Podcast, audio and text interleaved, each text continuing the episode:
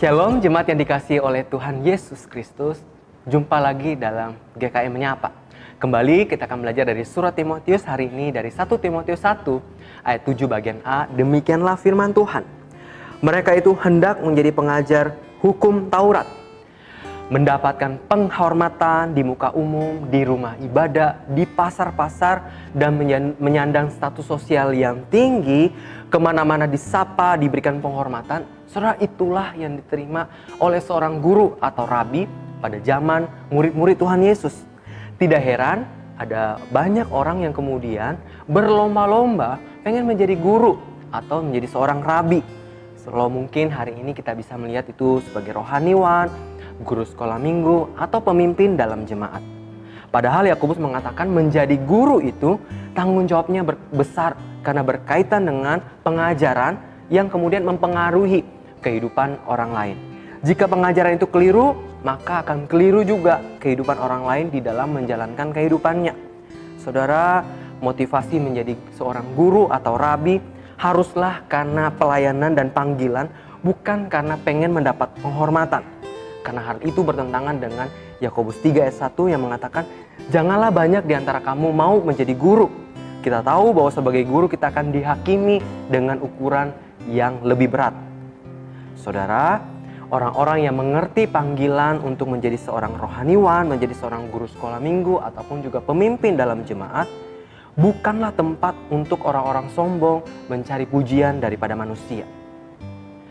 John Knox, seorang reformator dari sekolah Skotlandia, menyadari panggilan menjadi seorang rohaniwan yang kemudian menyampaikan firman Tuhan itu suatu panggilan yang tidak mudah. Suatu kali John Knox waktu dia mau meresponi panggilan dan kemudian memberitakan Injil. Setelah dia masuk ke kamarnya, dia berdoa karena dia tahu memberitakan Injil itu tidak mudah. Memberitakan firman Tuhan itu bukanlah pekerjaan yang mudah. Oleh karena itu, perlu ada kerendahan hati dan panggilan yang Tuhan berikan kepada setiap manusia atau setiap orang untuk kemudian meresponi panggilan ini. Bukan karena keinginan sendiri atau motivasi, supaya mendapatkan penghormatan untuk dipuji atau dihargai. Biarlah kita menyadari bahwa panggilan menjadi seorang rohaniwan, pemimpin jemaat atau guru sekolah minggu adalah anugerah daripada Tuhan. Mari sama-sama kita memeriksa diri kita masing-masing. Biarlah kita boleh belajar bahwa menjadi seorang rohaniwan, guru sekolah minggu dan pemimpin jemaat adalah karena anugerah dan Tuhan yang memanggil.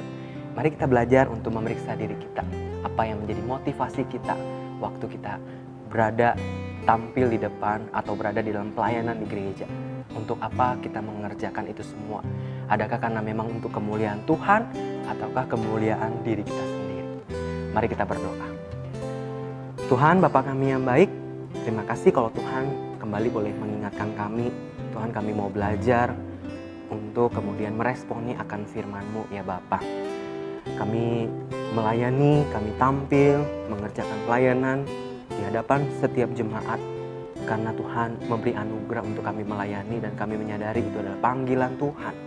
Oleh karena itu Tuhan, tolong mampukan kami, berkati kami Tuhan, supaya kami boleh memeriksa diri kami. Adakah kami waktu mengerjakan itu semua karena motivasi, karena pengen mendapat pujian atau penghormatan dari manusia, ataukah kami benar-benar sungguh-sungguh ya Tuhan menyadari setiap panggilan, kesempatan adalah anugerah daripada Tuhan dan kami mau mengerjakan dan melakukan itu dengan sungguh-sungguh di hadapan Tuhan. Berkati kami hari ini di dalam keluarga kami, di dalam studi pekerjaan atau mungkin kami mengalami pergumulan hari ini. Kami mau memohon pertolongan Tuhan menolong kami semua. Ini doa kami dalam nama Tuhan Yesus kami berdoa. Amin.